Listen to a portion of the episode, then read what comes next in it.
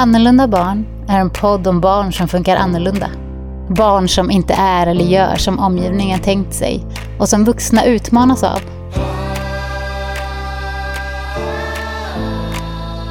Den här podden är för dig som träffar de här barnen.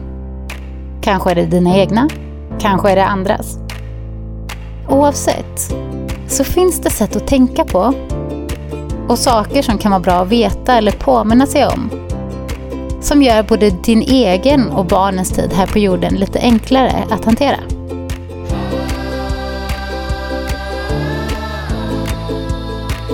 Följ med på en utforskande, filosofisk och livsbejakande djupdykning kring teman och ämnen som kanske skulle kunna göra hela livet både enklare, roligare och lättare att förstå sig på.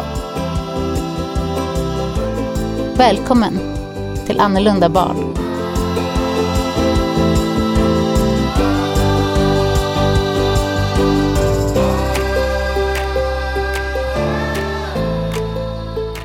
Idag ska vi ha vår första intervju på Annorlunda barn-podden och det är någonting som jag har sett fram emot jättemycket. Eh, jag har fått kontakt med Jonathan och vi lär oss nu tillsammans hur det här med att prata två personer på en podd går till. Så att eh, det är mycket som är spännande med det här avsnittet och jag är glad att kunna dela det med er. Jag tänker att vi ska börja med att presentera Jonathan. Vill du eh, säga hej? Hallå alla eh, som lyssnar på podden. Eh, mitt namn är Jonathan Konnebäck, 25 år. Eh, diagnostiserades med Asperger ungefär när jag var 17-18 år. Eh, har levt med, lever med Asperger dyslexi. Jag tror det är ungefär en bra sammanfattning. Det är väl en jättebra sammanfattning. Och vi har ju haft ett litet försnack eh, skulle man kunna säga. Vi pratade i telefonen häromdagen i drygt en halvtimme. Och det var ett jätte... Jag var jätteglad efter det samtalet. Det var så roligt att prata med dig. Eh, och jag lärde mig jättemycket jag gillar ju det här med när jag kan få en annans perspektiv att liksom göra lite mer plats i mitt huvud. Så därför vill jag gärna dela med mig av det, det samtalet. Eh, och vi kom överens om ja, lite olika områden som, som var intressanta att liksom prata mer om. Och någonting som ligger mig väldigt varmt om hjärtat är ju just hur blir det i skolan när man har en diagnos eller fungerar, alltså har en hjärna som fungerar på ett annat sätt än de flesta andra hjärnorna skulle man väl kunna säga. Och du jo. fick ju din diagnos först efter att du hade gått igenom hela skolan, men, men du har ju funkat som du har funkat hela tiden. Jo, det har jag. Har jag. Och grundskolan kommer jag ihåg inte som den mest roliga tiden. Jag tror jag lade märke till att jag var lite annorlunda från början för när jag var, li när jag var liten först så um, hade jag lite svårt att anpassa mig till mina andra folk omkring mig. Eh, vilket ledde till, eh, vilket jag inte berättade tidigare, var att i grundskolan har jag fått byta skola tre gånger. Eh, första gången var det tyvärr på grund av, att, på grund av mobbning. Vilket var lite tråkigt, tråkigt. Jag visste inte riktigt varför men jag hade en tendens att dra till mig folk som var väldigt eh, taskig när jag var liten. Sen eh, andra gången eh, så var det återigen eh, mobbning. Då var det precis alltså, att en väldigt specifik person kom. Jag såg att vinden blåste. Och jag var iväg igen. Och sen tredje skolan, där var det jag startade upp. Men det var där också jag lärde mig att, hur ska man förklara det? När det kommer till speciellt min diagnos så upptäckte jag att jag ibland missförstod jag lärarnas instruktioner. Eh, ibland, i början när jag var liten och trots att jag hade svårigheter med dyslexi till exempel så skrev jag alldeles, alldeles för mycket. Jag kunde ibland eh, missförstå instruktioner lärarna tyckte var, trodde var ganska klara. Jag upptäckte också ganska fort att eh, jag hade mitt eget sätt att lösa, lösa problem. Eh, vilket inte alltid var vad lärarna ville lära ut. Ibland var det också lite för, sådär, jag tog fel saker med mig, vilket jag märkte var väldigt var lite, jobbigt. Att du liksom plockade upp information som inte var relevant. Eller liksom du tog... Ja, var skillnaden mellan vad som var relevant och inte var relevant. Vad ska man säga, detaljerna som läraren, läraren har ett väldigt specifikt sätt att lära ut. Och det är gjort för all, vet, mesta folk. Och vissa detaljer i det vet, vill de att man ska plocka upp medan jag fokuserar på helt andra saker. Vad, någon, vad, vad vanligt folk tycker är viktigt, jag fann andra saker viktigt. Och den här fokusen är ibland de här små sakerna som ibland blir de stora konsekvenserna. Eh, sen hade jag också några saker som att jag gillade att överförklara mig. Och när jag var liten så kunde jag, även när jag hade dyslexi så skrev jag ibland alldeles, alldeles för mycket. Mm. Jag fick lära mig att skriva mindre och mindre för att sam lära mig att sammanfatta vad jag ville säga. Det låter som att det hänger ihop lite med det där med att också snappa upp liksom alla saker eller, eller fokusera på på liksom, om man säger inom situationstecken, fel saker. Att det, liksom, det blir svårt att, att ta fram, både ur en text, vad är det läraren tycker att jag ska liksom, fokusera på här och när man ska leverera någonting, vad är det liksom viktigt att sortera på något sätt?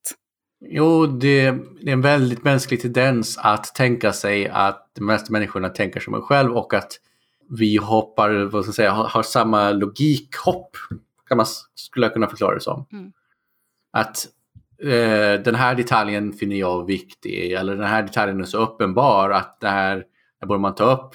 Och istället så, så tänk, tänkte jag samma sak med någonting annat. Ja. Och det, om jag skulle sammanfatta min skolgång ibland så var det väldigt mycket, eftersom att det inte var anpassad i grundskolan specifikt, så var det väldigt mycket att Uh, vi var tvungna att vara säkra på att vi båda två tänkte på samma sak, vilket saktade ner en här massa Ibland gick det rakt framåt men båda två inte dubbelkollade vilket ledde till två olika. Att jag gjorde, gjorde ett jättebra arbete men det var inte här jag ville, ville få reda på. Det har jag fått, kommer ihåg, jag fick på rapporter när de sa eh, du har gjort jättebra arbete men det var inte det här utan det var här vi skulle prata om. Precis, så om man ska säga ett tips till eh, lärare är att vara väldigt tydlig med förväntningarna då. Ja, jag, jag har faktiskt ett gott exempel på hur mänskliga förväntningar kan förstöra ganska mycket för en. Mm. När jag gick i gymnasiet så provade jag att programmera.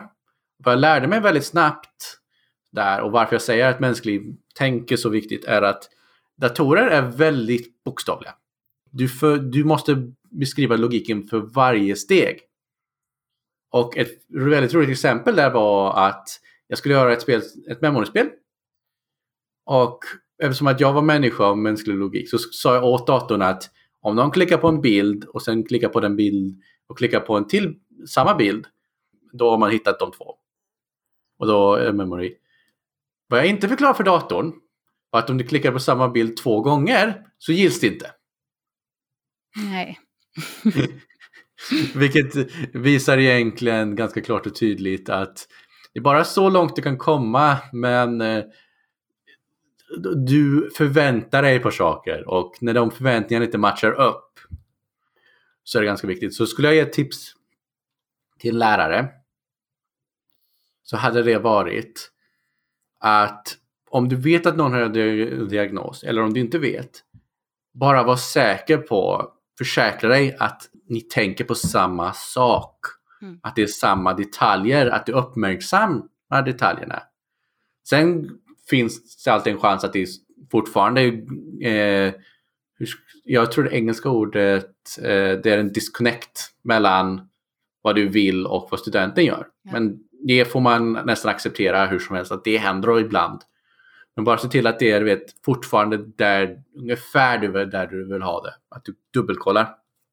Det låter som att det liksom handlar mycket om, alltså just det här att man utgår ifrån att alla förstår likadant som jag. Alla liksom, precis som du på något sätt utgick ifrån att datorn borde fatta att om man klickar på samma bild två gånger så gills det inte.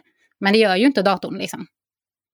Datorn är väldigt bokstavlig jag tog ja. det exemplet för att det är vad jag upptäckte en ganska mänsklig sak. Mm.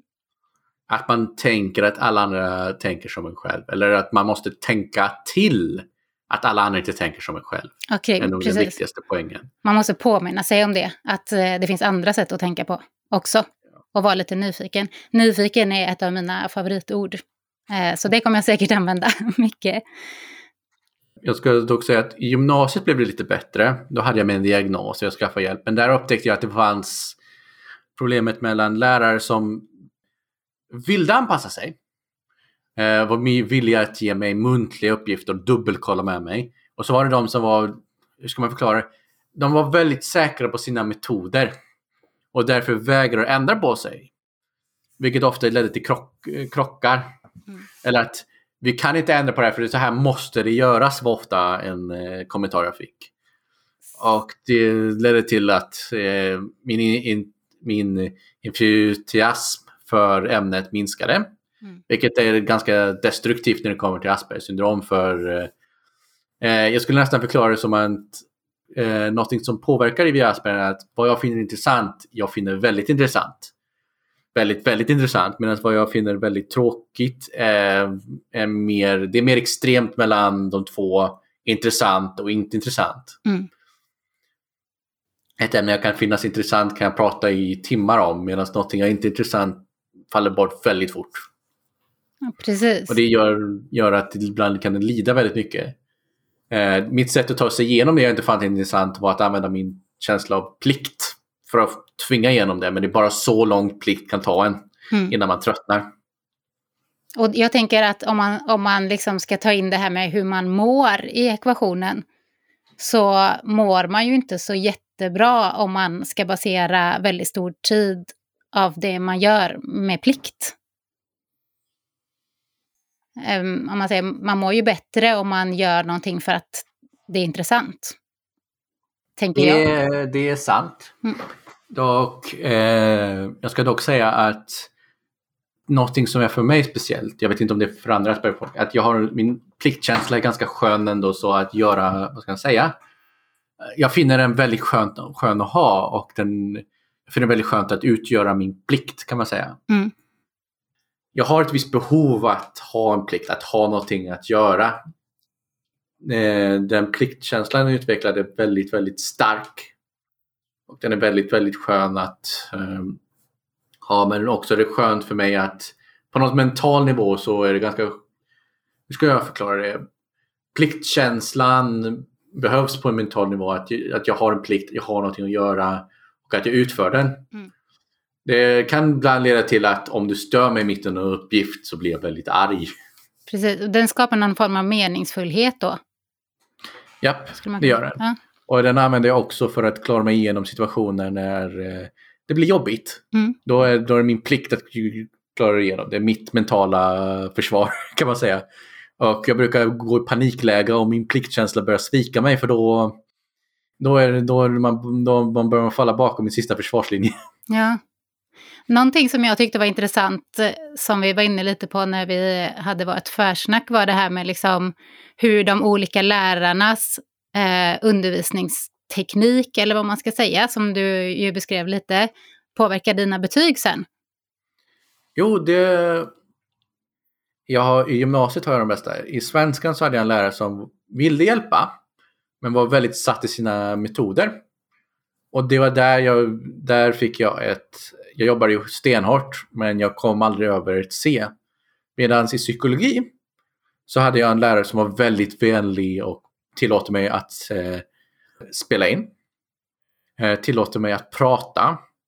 Eh, och jag fick ett A i slutet. Jag, jag, jag älskade mina psykologilektioner på grund av det. Det var väldigt roligt att göra. Det var väldigt, jag fann det väldigt skönt att ha de lektionerna. De, de, jag såg det alltid som en, som en glädje under dagen medan svenskan var någonting som var pest och pina nästan lite. Men du ansträngde dig lika mycket på båda lektionerna? Ja, det gjorde jag. Mm.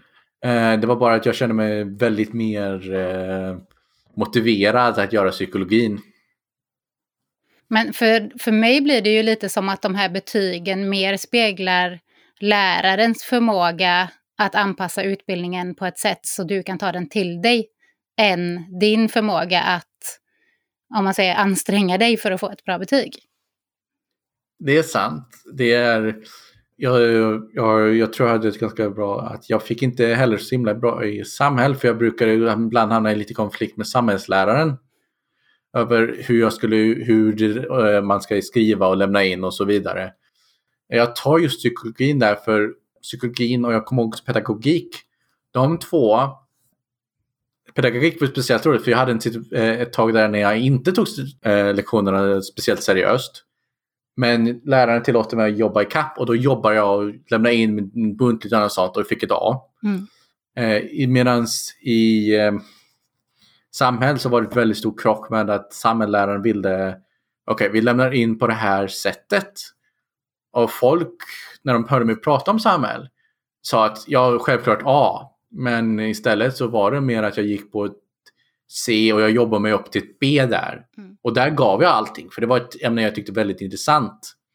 Men det var väldigt mycket att det här var inte var uppgiften, att jag gjort jättebra arbete, men det var inte det här uppgiften var om. Mm.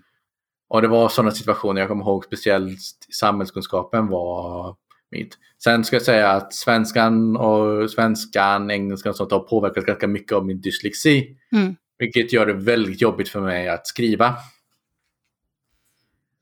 Uh, det, men det är också någonting som är svårt att göra någonting åt för dig liksom. Jo, man, det är jättesvårt. Man funkar ju som man funkar.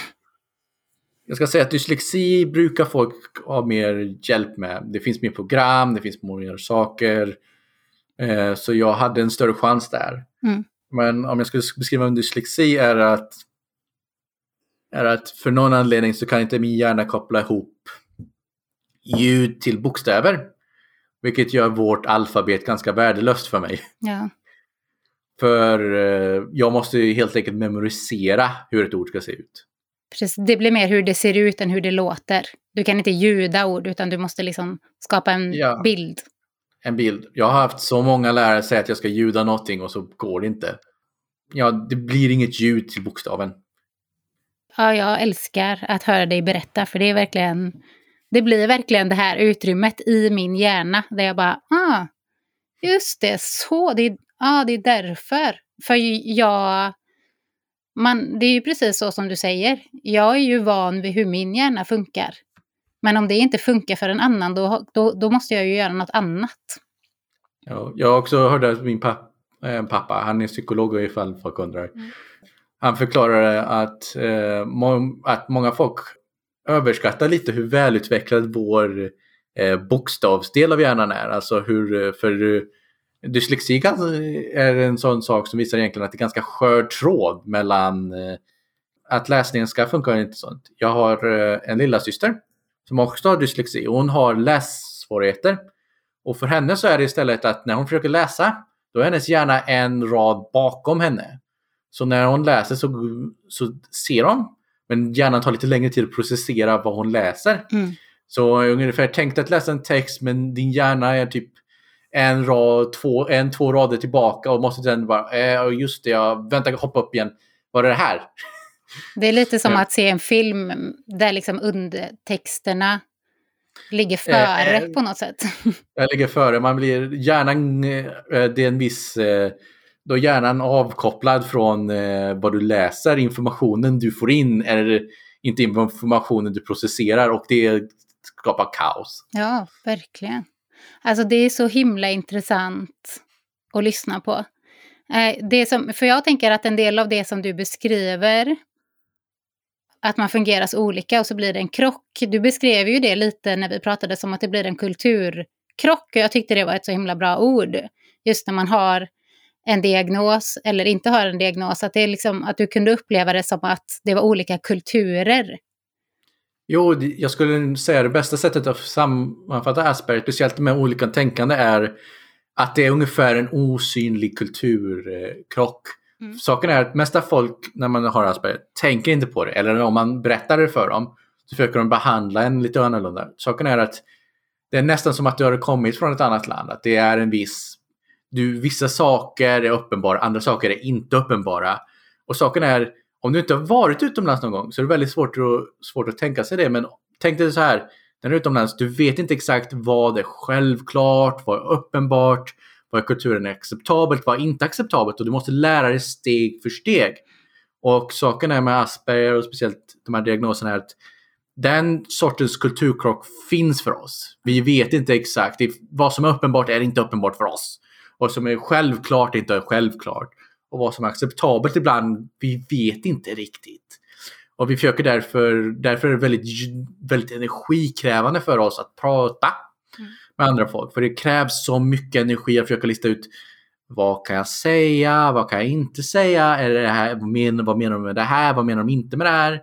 Till exempel, eh, en sak jag gillar att göra är att bygga vidare på ordspråk. Eh, när jag var liten sa jag till exempel så här, man kunde alltid må som en nötkärna. och det var, det var mig som tog logiken från ordspråket att man må som en nötkärna. Och så tog jag, drog jag den till en logisk slutpunkt för mig. Men för det mesta folket var det Hä? det, det är en logik som går igenom där mm. men det är inte så självklart. Men det är inte så man använder ordspråk. Men för mig så var det så här, okej okay, det här betydde det här. Då borde man kunna ta den logiken och fortsätta med den, men det är inte så det är tänkt. Om man tänker att man är frisk som en nötkärna så är det ju logiskt att man kan må som en nötkärna också. Eh, eller inte må som en nötkärna. Eller inte må som, men... ja precis. du, du, du ser, någon del av din hjärna försöker säga nej, nej, nej, nej, nej, nej, det är inte så det här funkar. Jag ska säga att jag la märke till det här mest Eh, när jag faktiskt, efter jag hade gått igenom gymnasiet, så, jag, eh, så var jag, hade jag en lång period av arbetslöshet. Men sen så fick jag jobb via ett kommunalt arbetsprogram. Eh, där jag jobbade i, i ett eh, ålderdomshem. Eh, de, hade, de behövde hjälp i deras eh, småkök där de värmde maten till de gamla. Och så gjorde jag efterrätt också. Eh, blev väldigt poppis. Eh, eftersom att de gamla tyckte inte om eh, den här maten och massproducerade i, i, i storköken. De var inte pop, det var inte poppis bland de gamla. Så de tyckte om när jag bakade efterrätt. Jag jobbade vardagarna, så varje vardag så hade jag bakat någonting. Det slutade upp dock att jag var tvungen att dra ner på antalet bakningar på grund av eh, personalen sa till mig, mig de gamla hade för högt blodsockernivå. En del av mig säger att de borde, vet, kan vi strunta i det och låta dem njuta lite? Men det var, nej, nej, nej, nej, de fick, eh, jag fick dra ner lite. Eh, efter efter, efter jag hade jobbat på ålderdomshemmet så hade jag sparat upp massa pengar. Och eh, det började när jag var liten så hade jag fått en viss fascination av Kina. I gymnasiet så hade jag provat att lära mig kinesiska. Jag lärde mig väldigt fort att jag fann deras tecken så mycket lättare för mig än vårt alfabet på grund av eh, helt enkelt att tecknena är ett tecken, ett ord och varje tecken är ganska klart och tydligt. Like, skillnad. Jag kan se en skillnad från tecken till tecken till tecken. Mm. Jag kan inte alltid koppla ihop ljudet till vilket tecken det är men jag kan titta på ett tecken och säga ah, det betyder det. Det kan jag fortfarande ganska väl. Och jag sparade upp pengar. Jag åkte med EF eh, till Kina. Eh, bodde hos en värdfamilj. Och det var en väldigt intressant upplevelse. I Kina nämligen så var jag utlänning. Och många kineser träffar inte utlänningar. I Shanghai så är det det största antalet utlänningar, 2% av befolkningen. Och det, normalt i Kina är det mindre procenten av utlänningar mindre än så. Och när jag säger 2% så pratar jag 2% av, uh, vad blir det, 24 miljoner invånare ja. i en stad. så det var många, in, många utlänningar där men en droppe i en sjö. Och på grund av att jag är utlänning så hade kineserna en uppenbar, de vet inte hur jag ska bete mig. Jag var utlänning, jag var waigo som de skulle säga. Eh, utanför landet. Så de eh, behandlade mig Eh, på ett annorlunda sätt. De visste att det var en kulturkrock. Men de hade också en viss nyfikenhet för det var så få utlänningar. Så de pratade jättegärna med mig och de behandlade mig på ett väldigt, det var ett väldigt befriande där att skillnad från här när jag måste hela tiden vakta, akta och vet inte exakt så var det så var det en viss eh, kulturskillnaden var officiell och den accepterades på något sätt i Kina har de ett intressant uttryck att du kan aldrig bli kines. Och på något sätt så var det väldigt skönt att jag kan aldrig bli kines, men jag kan vara mig själv. Och det accepterar de. Det var ingen tuff och puff eller eh, sådär. Utan om, jag, de inte förstod någonting så frågade de. Förstod jag ingenting så kunde jag fråga. All, på något sätt så var det en mer upp, uppfriande upplevelse än att vara här. Och det känns väldigt roligt när man pratar just om Kina. Ja, Med tanke på mångas bild just av dem är eh, en viss eh, eh, en stövel i ansiktet. Nej, men för för mig så blir det ju, alltså eftersom det syns och är så uppenbart att man, att man inte är kines, så är det inte så himla mycket att göra åt det. Och så finns det en nyfikenhet från båda hållen på något sätt. Jo, det var väldigt skönt med nyfikenheten. De var väldigt nyfikna. Det svåraste var att övertala dem vilket land man kom ifrån. Sverige fanns inte på deras radar. Men det var väldigt, väldigt skönt. De var nyfikna och man kunde prata med dem och det fanns en viss accept, acceptering att ja, du kunde bete dig udda, du kunde bete dig lite konstigt. Och de tänkte inte så mycket om det, du var utlänning. Mm. Och på något sätt så var det väldigt befriande. Som jag sa, att, jag, att den här acceptabeln, jag kunde inte vara kines, så ju, jag behövde inte vara kines. Så. Och på något sätt att eh, det fanns den här, att det var en separ separation. Och den separationen var klar och tydlig men den accepterades på något sätt också.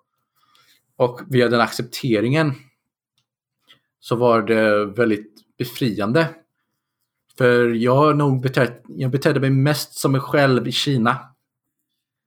För det var ingenting jag behövde riktigt frukta. Den, mer än att vet var riktigt dum och skaffa, ska starta massa problem. Men det finns en sån där var inte dum policy kan man väl säga. Starta, kasta inte sten i ett glashus. Precis. Ja, men, för, hur, men hur upplevde du liksom att din Asperger-diagnos, påverkade den dig lika mycket där eller påverkade den dig mindre? Bra fråga. Jag skulle säga att den påverkade faktiskt lite mindre. Det påverkade mig lite sådär att samtal var fortfarande lite energikrävande för det krävs mer än bara tänkande eh, för att göra det lite energikrävande. Jag skulle nog säga att det är ibland lite mottugg från mig men det var det där att jag inte alltid behövde tänka så djupt på vad jag sa och varför eller om jag var, kämpar emot mot en viss logik. Jag skulle säga reglerna för konversationen var mer tydliga. Det var mer tydligt vad jag, kunde, eh, vad jag sa och vad jag kunde säga. Och, och blev någonting otydligt så var de inte rädda att vet, fråga. Den här, um, det var en viss eh, öppenhet. Jag ska också säga att kineser är väldigt de är mer, lite mer öppna än oss när det kommer till saker och ting. Eh, till exempel i Kina så det inte, ses det inte som något fult att önska sig att vara rik. Det ses som något fult att vara lite snål. Så vilket var väldigt intressant för mig att titta på. Att det var mindre... Det var mindre, vet, de accepterade lite mer äh, saker. Vilket var väldigt in, in, intressant. Att det var lite mer öppet i kulturen. De kunde vara lite vitskepliga Eh, dock jag hade mitt favoritexempel att eh, byggnaden EFI, för det här är en ultimat kulturkrock. Byggnaden EFI var byggnad 666. I kinesiska är det ett väldigt tursamt nummer. Mm. För sexor är, är tur. Bara det att vi som var från västvärlden tittade på byggnads, byggnadsnumret och sa okej. Okay. Men här var det andra kulturchocken. Vi studerade på våning fyra för västerländskt betyder ingenting. För kinesiska så är fyra ett väldigt dåligt nummer för det låter för nära död. Så vi var förbannade både på kinesiskt och västerländskt. en ultimat sådär, vem gjorde det här? Ja, alltså det är ju jätteintressant. Och det där är ju så självklart för en kines och så inte alls självklart för mig liksom. Jag fann, det, jag fann det väldigt roligt situation av just krock. Mm. Men skulle man kunna säga att det liksom är lättare att hantera en kulturkrock som är så uppenbar och syns än en som är lite mer osynlig? Det är mycket lättare. Saken är att du måste veta att det är en kulturkrock för att mm, bry dig om den. Mm. Och det är också, jag ska säga, ett visst mothugg om uh, du inte beter dig som förväntas. Och saken är att kineserna hade ingen förväntning. De visste inte riktigt. Det fanns en klar, det fanns stereotyper. Men de visste på något sätt att det kunde inte vara riktigt sant. Och det var öppenheten och nyfikenheten som fick dem mer att ah, det är så här det är.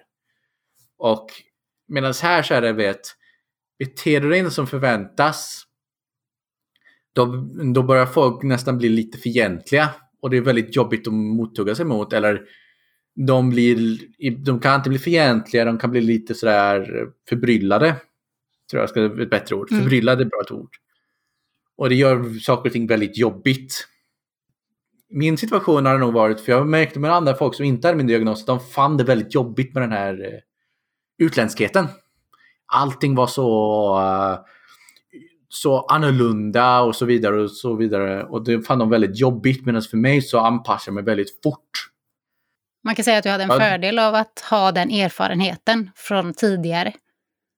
Att, det hade jag. Äh, att det blir en kulturkrock. Liksom. Du har alltid en, på något sätt en kulturkrock att hantera. För jag fattar det lite som att här i Sverige, där förväntar sig folk att ja, men man är svensk, då funkar man likadant som jag gör. Men så är det, det är inte. Väl, ja, det är så det är tänkt. Och det är så de mesta folk beter sig, hur man än gör. Det är en viss förväntning och när du krockar med den så blir det jobbigt. Och du kan antingen då säga att du har en diagnos och inte har en diagnos. Folk beter sig lite annorlunda beroende på vad du gör. Mm. Det värsta dock är om man säger att man har en diagnos, då beter sig folk väldigt illa, tycker jag. De försöker nästan prata ner lite eller de övertänker sig själva och det slutar ofta i ganska dåliga resultat. I Kina kunde jag säga att jag hade diagnos, det ändrar inte så mycket mer. Jag var fortfarande, du vet, ett enigma. Du vet, mm. Det var redan, du vet, de visste, du vet, krävdes redan lite mer från dem på grund av min annorlundhet. Att min extra annorlundhet var inte så mycket mer. Nej, för du var redan utlänning. Ja. Skulle vi kunna... Eller why go? Ja, why go? Why go? Why go?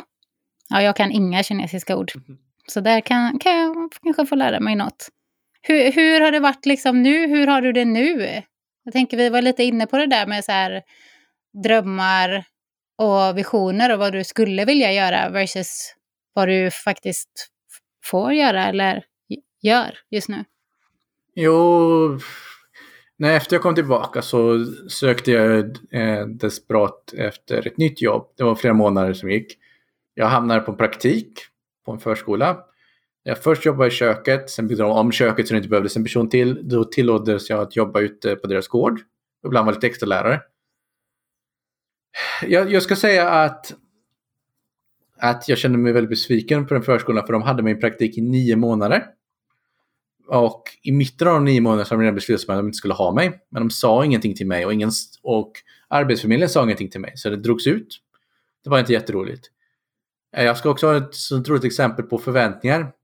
var att när jag jobbade med de små eh, barnen så såg jag också där, för barn speciellt förskolebarn, dagisbarn, deras förväntningar på vad man gör och inte gör är väldigt annorlunda från vuxna.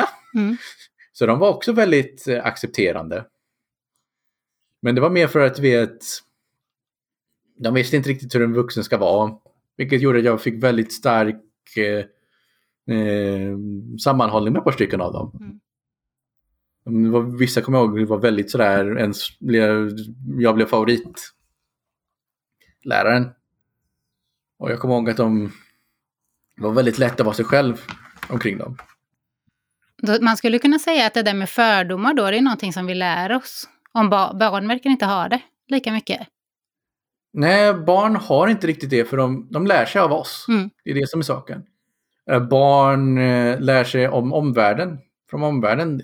De eh, måste, de lär sig allt ifrån oss. Det är antingen vi som är fördel omvärlden och det är väldigt mycket vet, stereotyper och annat sånt som går ut. Men om de träffar någonting väldigt tidigt, väldigt ungt, så har man så ska jag nästan säga att barn är mänskligheten i sitt mest eh, uppenbara. Mm. De, de, de, är väldigt nyfikna och de dömer väldigt lite. De, är det så så är det så. Det, du vet, det är inte varför och annat sånt utan det är lite sådär mer acceptabelt. Okej, okay, så funkar folk också. Mm. Och tyvärr så är det väldigt lite att vi, det är väldigt sällan dock vi lär barn om annorlunda, annorlunda tänkt och annat sånt. Och det är också just det där att jag tror inte vi riktigt kan utan det är bäst att de träffar någon. För tar du igenom någon som inte har det så med ett, återigen så hamnar du i samma att den, deras stereotyper på något sätt smiter med ändå. Men, Även om de försöker bara göra sitt bästa. Jag blir ju lite nyfiken på om, om vi skulle... Alltså om, om man bara tillät barnen att fortsätta vara accepterande och nyfikna. då skulle de ju kanske också kunna växa upp och ha med sig det lite äldre. Det är som att vi liksom programmerar om den här nyfikenheten till att bli lite mer misstänksam. Där har ju vi vuxna ett ganska stort jobb att göra. Jo, jag, jag vet. Det är lite svårt. Eh, jag har faktiskt ett roligt exempel från Kina om det. Eh, när kineserna berättade om eh, vad de kallade Maos tid, eh, när Mao var i kontakt, då var de gamla personerna, nämligen i Kina, de litade väldigt mycket på folk. Och anledningen varför de var litande var att när de var under Maos tid så var lurendrejare och annat sånt, det var borta. Det fanns inte så många av dem. Så nu för tiden så har de problem att många gamla blir lurade. Och anledningen varför är att de är så väldigt, litar väldigt mycket på folk. Ja. De litar för det att för, för det fanns en period i tid när, när lurendri och annat sånt var så hårt nedtryckt. Mm. Att man lärde sig helt enkelt att man behövde inte vara misstänksam.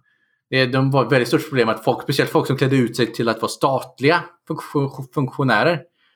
De hade väldigt mycket tillit från de gamla.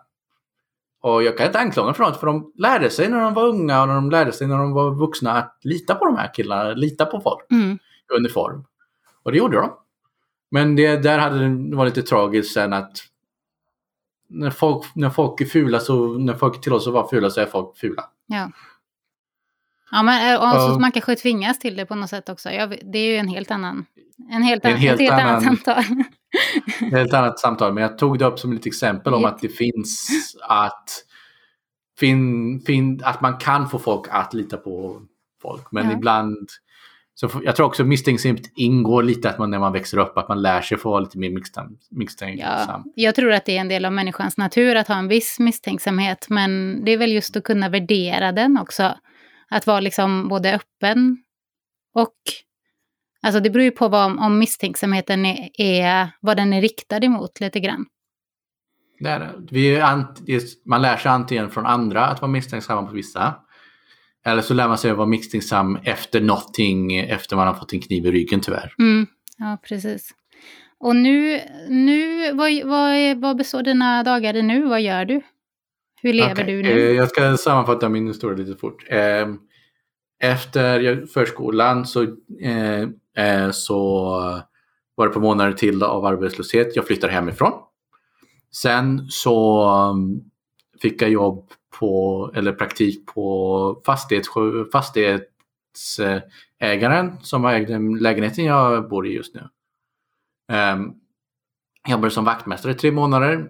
Coronaviruset slog till. Eh, jag blev av med jobbet på grund av att jag var längst ner på totempålen när eh, de förlorade sin största kund. Och nu har jag varit arbetslös i nio månader nu. Det har varit ganska hemskt. Så just nu så sitter jag just nu eh, hemma, har inte så, eh, har inte så mycket, söker i massa jobb, hoppas att någonting ska hända. Jag har funnit just nu att mina dagar består av eh, spela, hålla ordning i hushållet. Ofta i början av månaden planera en matlista och göra massa matlådor i förväg. Hålla ordning på min väldigt strikta, vad jag kallar planekonomi. På grund av att när man blir fattig nog så betyder fria marknaden väldigt lite och man byter om till en planekonomi ungefär. Du måste ha ordning på varenda peng du spenderar. Eh, du måste planera ut allting och det blir väldigt jobbigt väldigt fort. Men man, man gör det för att man vill ha pengar kvar, man vill spara lite, man vill inte... Man vill kunna överleva på vad man har. Vilket är svårt. Mm. Det finns ett visst behov eh, till exempel att köpa viss tröst. Ja, precis. Jag tyckte någonting, jag ska hoppa tillbaka lite grann för att när du var inne på det här med när du jobbade på förskolan så, och liksom blev kvar där väldigt mycket längre än vad, det, vad de egentligen visste att du skulle bli. Lite sådär kvarlurad skulle man kunna säga. Då jobbade ju du för praktiklön i jo. flera månader utan att du överhuvudtaget hade möjlighet att få det jobbet. Jag tycker att det är ett lite konstigt sätt att behandla människor på faktiskt. För du fick 7500 kronor i månaden för ett heltidsjobb. Saken är, vilket som är väldigt jobbigt, att det finns ett visst utnyttjande av de som praktiserar. vi, vi alla vet ungefär att det ibland så behandlas folk inte som folk. Mm. Utan någonting med att man kan utnyttja lite för att få lite gratis arbete. Vad som var extra fult var ju att förskolan hade mig så länge och jag, jag fick mina pengar från Försäkringskassan. De betalar, mig, de betalar inte ett öre för mig. Vilket var väldigt surt i efterhand men saken är när det kommer till jobb och vad jag har svårt med det är att idag måste man sälja sig själv. För alla arbetsplatser jag har varit på, eh, ålderdomshemmet, förskolan, eh, även eh, jobbar, när jag jobbar som fastighetsskötare. Allihopa tyckte jag jobbade väl, allihopa tyckte jag jobbade bra. Men eh, jag behandlades fortfarande på samma sätt. Mm. Bortsett från när kommunen gav mig jobbet. För då var det mer öppen, då var de mer snälla och faktiskt tillåter mig att tjäna lite pengar. Och det var eh, helt enkelt att jag var ersättningsbar. Och jag förstår till en viss del att alla arbetare måste vara ersättningsbara. Men det känns väldigt fult att arbeta flera månader och sen de säger nej, vi vill inte ha det just nu. Jag är mer accepterad för fastighetsskötarna för coronaviruset skapade kaos för alla. Mm. Men förskolan var verkligen, fick mig väldigt arg. Men man kan ju vara rak i alla fall och ärlig. Jo, det kan man. Och jag finner det väldigt surt att de har ingenting att förlora om de säger nej. Och jag tycker att det borde finnas, du vet, om man, om man tar ett val, val och tittar på någon så måste det också finnas lite konsekvenser ifall du går tillbaka på ditt ord. För anledningen varför man praktiserar är ju hoppet om ett jobb. Precis. Och det är väldigt, väldigt lite konsekvenser av någon att säga nej. Mer än att du kanske förlorar en bra arbetare. Men de, de, de får inga, vet, ingen bestraffning eller sånt. Inte sådär att eh, de får sen stirra på en arg arbetsförmedling som säger vi drar ifrån er nu chansen att hitta mer anställda. Ni får ta hand om det här själv, det är inget sånt. Jag har hört skräckhistorier om folk som bara blir anställda i praktik och sen kickade. Och på någon nivå vet, så är systemet väldigt segt på att ta hand om de folken. Mm. De som utnyttjar. Det här är varför vet, barn får lära sig vara misstänksamma. Vi lever i ett, väldigt, ett samhälle som uppmuntrar misstänksamhet tyvärr. Ja, det skulle man Det finns väldigt, säga. fu, väldigt, ful, det finns väldigt fula taktiker ute där som folk använder. Och på något sätt vi accepterar att det är normalt. Och det, för det som du helst av allt skulle vilja göra nu, det är väl egentligen att gå på högskolan, om jag fattar det rätt. Jo, jag vill, jag vill studera. Jag vill lära mig psykologi. Jag har tappat lite bild vad jag vill jobba som. Jag har eh, under min tid här när jag har fått har varit hemma och så har jag haft mycket tid att eh, uppmuntrar mig själv att spela på datorn. Och jag har spelat i grupp bland annat. Och där fick jag testa ut att vara en ledare. Och jag tyckte jag gjorde ganska, jag fann det väldigt roligt att vara en ledare. Så jag har fått, eh, jag är intresserad av att se om jag kan utveckla mig själv i det. Mm. Jag har fått lite feedback också hur jag var som ledare. Jag uppfattade jag som väldigt lugn. Väldigt tydlig. Mm. Vad jag ville. Eh, vilket jag uppskattar. Jag har fortfarande ibland att jag tycker inte om att bli superstressad så jag brukar lugna ner mig själv eh, på ett annat sätt. Ibland bara vet gå ifrån lite och ta ett djupa, par djupa andetag. Andra gånger via bara fokusera. Jag gillar att ha min fokus ordentligt. Så du, ni, ni har utvecklat någon form av organisation liksom, i spelet? Jo, jag ska förklara lite. Eh, jag tycker eh, när det kommer till spel så gillar jag speciellt strategispel. Eh, och de spelar mycket. Men det här spelet är specifikt var ett väldigt unikt spel. Det kallas Foxhole. Det utvecklarna beslöt sig att göra ett spel när man ser sin karaktär uppifrån. Det är ett spel om eh, ett krig mellan två faktioner. Ena heter Colonials, andra heter Wardens. De är inspirerade av eh, amerikanskt, brittiskt och franskt, tyskt. Väldigt intressant. Det blir ungefär grönt mot blått. Och vad som var väldigt intressant i det spelet var specifikt att de hade, om ni inte spelar mycket så kan jag förklara att i de mesta spelen då ges man saker till, speciellt skjutarspel så ges man ammunition, granater och sånt. Det kommer ofta ibland eh, eh, kan man ta lite var som helst. Eller finns en timer och sen när timern är slut så kan man ta det. I Foxhole, om du inte vill ha någonting annat än en pistol och en hammare med dig så måste du eh, producera vapnen själv eller ha någon annan producera vapnen åt dig. Vapen, ammunition, allt sånt. Så det är en, en logistiksida till det. Mm. Plus eh, slagen fungerar sådär att, din att position betyder mer. För i många spel så är det hur bra du siktar. I det här spelet är det hur bra, hur bra du, var du står någonstans. För din karaktär mm, är när de siktar skjuter väldigt vilt men om du står still tillräckligt länge så sakta säkert så minskar siktmärket till man kan träffa mitt på. Och om du står bakom skydd och annat sånt så, eh, så går det mycket fortare. Så spelet uppmuntrar väldigt mycket att man organiserar sig. Mm. Och för två år sedan så, eh, så anslöt jag mig till en grupp. Eh, jag blev andra i kommand. Och under en två års eh, resa så lärde jag mig från... Eh, I början så hade vi inget schema, ingen riktig organisation. Vi hade organisation. Ledaren är hade väl, var väldigt duktig med pappersarbete. Så han organiserade oss efter eh, andra världskriget, amerikansk division. och hade oss rankar och upp allting sådär, men vi använde inte så mycket. Med tid så fick vi ett schema, så vi spelade på vissa tider. Sen med tid så utvecklade vi hur vi slogs. I början så var vi en stor klump. Och med tid så började vi splittra upp oss, att vi gav, vi lärde upp folk att vara ledare, vi gav dem uppgifter.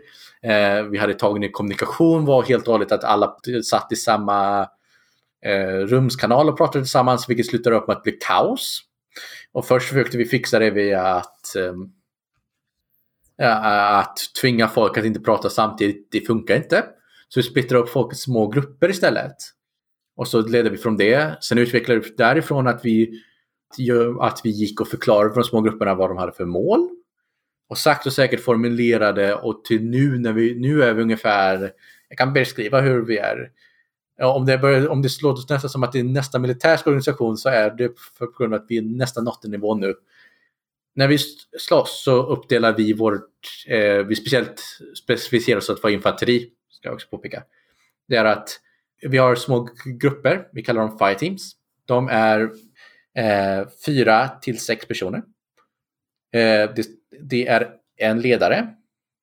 Eh, ofta en eh, andra ledare, någon som tar över ifall ledaren på något sätt blir eh, nedskjuten eller något annat sånt och måste vänta på att komma tillbaka via att de återföds. Eh, vi har ett lätt maskingevär och en sjukvårdare. De är, vi har två sådana två såna grupper. Eh, två fire teams leds utav en högre upp ledare och en eh, person under honom som organiserar dem. Och den ledaren också organiserar två, vad vi kallar eh, ungefär tungt vapenteam, tre personer. Och de kan ha tre till två personer, vilket som antingen har ett eh, tungt maskingevär eller de styr eh, något stödfordon och så vidare. Så det blir grupp av två infanteriteam, två tunga som leds av som leds av sina individuella ledare. De svarar till en ledare ovanför dem. Och han och två sådana ledare svarar till en ledare ovanför dem. De, och eh, vi har det välorganiserat. Vi har dock inte så många folk att vi brukar gå över typ två infanteriteams. Men vi har fortfarande en hierarki uppbyggd. Mm. Och vi har uppfattat att det går väldigt bra när vi spelar tillsammans. Eh, när jag inte spelar det spelet så brukar jag annars spela spel när man, eh, allting från att man bygger städer, vilket jag finner väldigt, väldigt ro, eh, roligt, till att man eh, leder till arméer. En av mina favoritserier kallas Total War-serien. Som handlar om att man leder, man, att det finns två lägen. Att man, ett är att man styr ett land i en eh, turbaserad eh, eh storkarta. Man led, där man bygger arméer och så bygger man upp Eh, landet. Och sen eh, har man eh, eh slag i realtid. Finner jag väldigt, eh, en serie jag finner väldigt roligt. Väldigt stora slag, väldigt roligt. Där slagen går ut på att man har den här med man byggt upp under det strategiska äh, lagret. Och under slaget så är det just bara den armén. Du måste få motståndarens armé att fly från fältet. Mm. Det låter som att det handlar väldigt mycket om liksom strategi, allting, och som att man faktiskt kan lära sig väldigt mycket av de här spelen. Jo, man, man kan. Jag kan mycket av vad jag... Vissa saker jag lärde mig... Eh, stadsbyggande till exempel, jag lärde mig väldigt mycket om logistik. Hur man bygger saker och ting så de är nära varandra. Mm. Eh, och jag lärde mig väldigt mycket om eh, teori om strategi via mina krigsspel ungefär. Att så här funkar det till exempel. Hur man låser en fiende eller eh, en favorittaktik många har i, i Total War-serien är, har du hört talas om, eh, engelska funkar bättre, Hammer and Anvil. Nej. Det är att man låser en fiende i ett, ett slag med en infanteri mot infanteri och så låser man fast deras kavalleri också. Sen tar man sitt kavalleri runt dem och så slår man i ryggen. Så, så, så infanteriet är eh, stenen och hammar, hammaren är det som slår till hårt. Och kavalleriet är hammar, eh, hammaren. Så jag tycker det är intressant för just utifrån perspektivet att liksom det här med spela och så är i alla fall för barn, alltså just den här föräldra-barn-relationen och också i förhållande till skolan så pratar man ju mycket om att nej, men man ska minska skärmtiden och man ska inte spela och så. Jag menar, det är klart att det finns andra saker man kan göra också, men det låter ju som att man kan lära sig väldigt mycket av spelen och som att eh, vuxna kanske ska vara lite mer nyfikna också på det. Vad får man egentligen ut av det här? Du, du jo, får ju mycket kompetens, tänker jag, också, också både som gäller både psykologi och ledarskap genom spelen just nu. Jo, det ska säga. jag ska säga att dock det är två olika saker att leda spelare och leda datorn. Till exempel i mina strategispel behöver jag inte oroa mig att det vet mottugg eller att jag inte alltid har informationen. Något som var väldigt intressant med Foxhole var att jag fick lära mig hur man leder. Mm. Vilket var svårare än sånt. För saken är också, min ledarskapsstrategi är så här, folket jag spelar med, de är där för att ha roligt. Ja. Jag kan inte tvinga dem till någonting. Jag kan försöka, om man försöker det så förlorar man dem väldigt fort. Man kan inte tvinga någon. Och det gör en väldigt annorlunda ledarskapsstrategi. Man måste uppmuntra folk. Man måste, man måste fråga dem snällt. Man måste säga till dem. Och det, det är väldigt intressant för det finns, ibland så frustrerar man, vill disciplinera vissa folk, speciellt när man organiserar på en väldigt hög nivå. Men på något sätt så måste man lära sig att om de accepterar organisationen för att det är för deras fördel istället för att de måste, så är folk väldigt samarbetsvilliga. Jag fick lära mig det sättet. Så. Jag ska säga att jag har lärt mig väldigt mycket, till exempel, jag har en idé vad logistik är på grund av alla de här strategispelarna. Att Eh, när, jag var, när jag var väldigt liten, mitt, en av mina favoritspel kallades eh, Settlers. Ja. Settlers 4 kommer jag ihåg. Mm. Det var väldigt intressant för till exempel vill man bygga ett hus. Då, då byggde man först en vedhuggare. Han, gick, han huggde ner träd. Sen tog träd eh, till en, eh, så, en kille som, gjorde, som sågade plankor. Sen behövde plankorna bäras till byggplatsen. Och sen så behövde man ha först några som skyvlade bort jord. Och sen eh, ett par snickare och alla byggnader ofta krävde trä och sten. Och stenar hökade de ner. Men till exempel, det var väldigt intressant för till exempel skulle man baka så behövde man någon som odlade, odlade vete. Sen behövde man någon som hämtade vatten. Men det lärde mig vet, steg för steg, varje steg går så här, att det här är ihop det, det här och så vidare.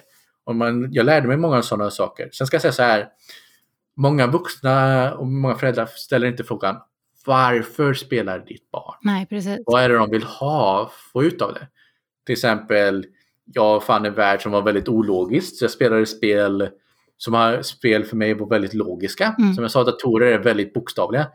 Så jag, spelvärldarna ofta gick på en väldigt klar logik, väldigt klara regler. Och för mig också så var det också det att bli uppskattad. Man blir ofta uppskattad i spel, man blir ofta belönad Vissa till exempel, men det är inte alltid vad folk vill ha. Till exempel vissa vill vara i ett spel för att det finns, äh, finns en viss tävling i det. Andra vill för att de vill ha den här uppmuntran. Vissa vill för att, det, att de kanske inte känner sig uppskattade. Så vidare. Vissa kanske vill ha för någonting för att de vill utmana sig lite. Mm. Det finns eh, strategispelen till exempel ibland kan vara mer pussel eller någonting annat. Inte exakt vet, direktionstid som gäller utan det är att lista ut hur får jag vet, det, saker och ting att fungera. Så genom att vara nyfiken på vilken typ av spel ett barn spelar så kan man lära sig mycket om det barnet, tänker jag. Och förstå. Man kan lära sig massor. massor. Saken är också att du måste dock veta lite själv om vad spelen gör eller vad som innehåller. Till exempel eh, söker de konflikt eller söker de inte konflikt? Är det eh, så, eh, så vidare. I spelvärlden är lite problemet att de ofta tar konflikt för att det är lätt. Mm. Det är lätt med konflikt, för konflikt är någonting vet, automatiskt som är intressant för människor. Men om man tittar bort från det så ibland så finns det sådär. Till exempel, tycker du dina barn om att ha ett spel som går fort? Kanske är det reaktionstider och sånt, är det den utmaningen de söker efter? Mm. Eller är det mer att det är sakta, lite mer pussel i det? Att du gör på ett visst sätt för att få allting att passa ihop.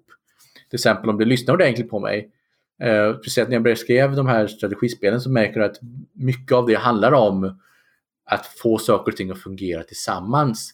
Även Foxhall är mycket att få det att fungera tillsammans. Jag måste, jag måste se till att en officerare förstår en order så han kan berätta det för de under sig och sen vet, lista ut hur de ska få det att fungera. Jag har varit med i många situationer när de har misslyckats med det och det slutar ofta upp i kaos. Eh, vi hade en situation till exempel när vi samarbetade med en annan grupp. Och de skickade ut spanare.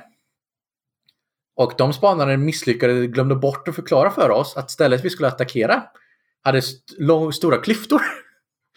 så när vi attackerade så helt plötsligt eh, stoppades attacka attacken på grund av att vi hade, vi visste till exempel att vi skulle behöva attackera över en bro, inte lätt. Mm. Eh, men så vi kastade, massa artilleri. Men ingen berättade för oss att det var klyftor, så när vi kom över bron, då hade vi jättestora problem att hålla oss där för att motståndaren helt enkelt sprang upp på berget och började skjuta ner på oss. Och vi frågade oss, vad skjutsen gör vi nu? Så det var väldigt sådär, och efteråt så sa vi, så frågade de, varför sa inte spanarna åt er att... Och det var tydligen för att de inte gav dem tillräckligt klara order. Det visar också vet, en pusselbit, att vi saknade den pusselbiten. Att det där var viktigt. Alltså det här är så himla spännande. Jag skulle kunna prata med dig hur länge som helst känns det som. Men vi ska försöka att avrunda mm. lite. Men, jo, jag kanske får komma tillbaka någon annan gång. Ja, men precis. Alltså, jag, jag, lär, jag har lärt mig jättemycket av det här samtalet. Dels så tycker jag det var väldigt spännande att få nya insikter kring hur man funkar när man har dyslexi, alltså hur man upplever det. Eh, jag älskar den här beskrivningen till, kring kulturkrockar och liksom hur det, bli, det blir... För mig blir det väldigt mycket mer begripligt hur man upplever det när man... Jag, jag har själv varit, till, jag pluggade till sjuksköterska och gick en termin i Jordanien, så jag har upplevt det här med kulturkrockar när man liksom verkligen inte... Jag fattade ju verkligen språket eller texten eller... Och, och liksom allt det där som är självklart som inte var självklart för mig. Och om jag då kan förstå att ja, men det kanske var, är lite liknande den upplevelsen. Jo, jag ska också påpeka extra lite att det värsta är att man inte alltid vet själv vad gränsen är mellan vad som är uppenbart och inte uppenbart. Skillnad från när man är så där helt och hållet utomlands. Det, mest skrämmande för mig för först var att man kom dit och man kunde inte förstå ens vad, vad det stod. Man, man, kunde inte läsa tecknen. Men någonting som är väl lite frustrerande ska jag säga är, är just det där gränsen är osynlig lite. I Kina var den väldigt tydlig. Här så är den lite osynlig. Till exempel, vissa saker är självklart för mig och självklart för andra. Andra saker, där är det lite osäkert. Och det där att man inte kan sätta fingret på det är jättejobbigt. Men kan man fråga? Om, jag, alltså om du skulle ge... Man, vi... man, man, kan fråga, men vet, om du inte vill att hela konversationen ska vara frågor så blir det lite jobbigt. ja, men mig, om du tänker så här, vad är det viktigaste för mig att tänka på? Till exempel som träffar många barn som har diagnoser. Eller vuxna också för den delen det är att då och då dubbelkolla. Mm. Det är att vara, försäkra dig själv att det är uppenbart. Mm. Och bara vara var ärlig med dem att varför du gör det. Var liksom tydlig, viktigt. ärlig och... Ärlighet uppskattas alltid. Ja, jo men det, har, det är min erfarenhet också. Att liksom, och, och, min erfarenhet är att vi ofta pratar runt saker på ett sätt som gör att det blir svårt att förstå istället för att säga vad vi menar. Jo, någonting som jag alltid hjälper med diagnos. Rätt upp och ner att minska prata runt, speciellt minska det där små logikhoppen man har. Hjälper jättemycket. Du får näst, det krävs mycket av en. Det krävs väldigt mycket av en för en hjärna är hårdprogrammerad in att göra de här hoppen. Mm. Att vara ärlig, vara rakt fram hjälper jättemycket. Super. Då ska jag fortsätta med det. Um, jag tänker att det, fanns, det finns mer saker som vi hade kunnat prata mer om. Jag blir lite frustrerad över att du inte går redan på psykologi och ledarskapsprogram på högskolan, för där hade du briljerat. Eh, jag förstår ju att du jättegärna vill samla ihop pengar till det först och det är ju också väldigt ansvarsfullt, tänker jag. Alltså du är ju både ekonomisk, insiktsfull, klok, ansvarsfull. Och det är där det blir en krock för mig. Liksom. Varför går du hemma och gör inte så mycket? Det är en waste av en kompetens som vi hade haft nytta av i vårt samhälle. Enligt min bild. Jag håller med. Tyvärr så har jag hört tyvärr att många, många med diagnos förlorar många år. Mm. Det är lite sorgligt, för vi förlorar ju, alltså jag tänker samhället förlorar ju också på det. Jo, det är sant. Mm. Jag, jag undrar så mycket hur mycket mindre, till exempel om du bryr dig om pengar. Tänk hur mycket billigare det varit om jag faktiskt fått vara ute och arbetat nu. Exakt, det är lite så jag tänker. Istället för att sitta så här länge på bidrag. Nej, det blir ju inte logiskt någonstans. Eh, men för att avrunda lite våra samtal så brukar jag ju, som jag redan har varnat dig om, fråga de jag träffar, både barn och föräldrar och andra, hur, hur jag har skött mig i samtalet. Om jag har lyssnat, om jag har liksom, ja, om det finns någonting som jag ska tänka på nästa gång. Okej. Okay. För att bli bättre. Jag ska säga att det här var väldigt trevligt. Eh, jag kan inte riktigt just nu tänka på någonting eh, skulle förbättra, förbättras. Jag fann att det är väldigt skönt att vi tog var, eh, vi, vi tog var sin tid att prata var för sig. Det funkade väldigt bra. Annars så skulle jag säga att idag så var det en väldigt skön konversation. Det var väldigt uppenbart, tydligt. Du var nyfiken och ställde frågor. Ehm, du pratade inte över mig, vilket jag uppskattar väldigt mycket. Det Vissa folk väldigt irriterande när de gör, finner jag väldigt irriterande när de gör det. Jag gillar speciellt att du lyssnade. Lyssnar jag väldigt mycket. Mm. Om du kommer på någonting sen efteråt så får du säga till. Något som jag kan, kan eh, om det är någonting som jag kan utveckla. Då vill jag ju veta det. Annars så tänker jag att eh, vi ska knyta ihop det och eh, jag som sagt är jättetacksam för att du tog dig tid att vara med på min podd.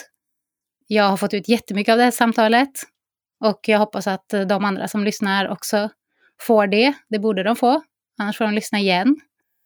Om allt liksom från kulturkrockar till vad man faktiskt lär sig av att spela. Jag tänker vi kanske ska vara lite nyfikna som vuxna på vad barn, barn faktiskt gör när de spelar och inte ha så mycket fördomar. Det tror jag att vi alla kommer längre med helt enkelt. Ja, det är lättare sagt än gjort. Ja, det... det... är svårt med sina egna fördomar. Det är svårt, men det var ett nöje att vara här. Man kan zooma ut lite och titta på vad man håller på med, tänker jag. Det har ju du jo. gett många exempel på. Liksom. Du, har ju i, du klarar ju av att iaktta dig själv och kunna beskriva liksom, hur det blir. Och det tänker jag att det borde ju även andra vuxna människor också klara av. Att ja, det, det, krävs att man lär sig att reflektera sig själv, men viktigast av allt, kom ihåg det här, vilket är väldigt jobbigt om du inte var med det. Dina tankar, du, allt sånt, är inte i majoriteten. Du, du är du själv, en minoritet. Kan hjälpa väldigt mycket med att koppla loss dig från att så här måste det vara. Att man tänker inte sig själv som att alla andra tänker som mig, utan jag tänker som mig själv. Jag tänker som jag. Att man, att man måste på något sätt lära sig att hoppa in i andras skor och försöka tänka. Och speciellt tänka så här att det inte är någonting fel med deras tänkande. Nej, precis. Det var ett jättebra sätt att avsluta, tänker jag. Vi avslutar så. Och så tackar jag igen jättemycket. Och så ja, hoppas så jag bra. att vi hörs igen. Tack för att jag fick vara med. Det var väldigt trevligt. Ja, det var det verkligen.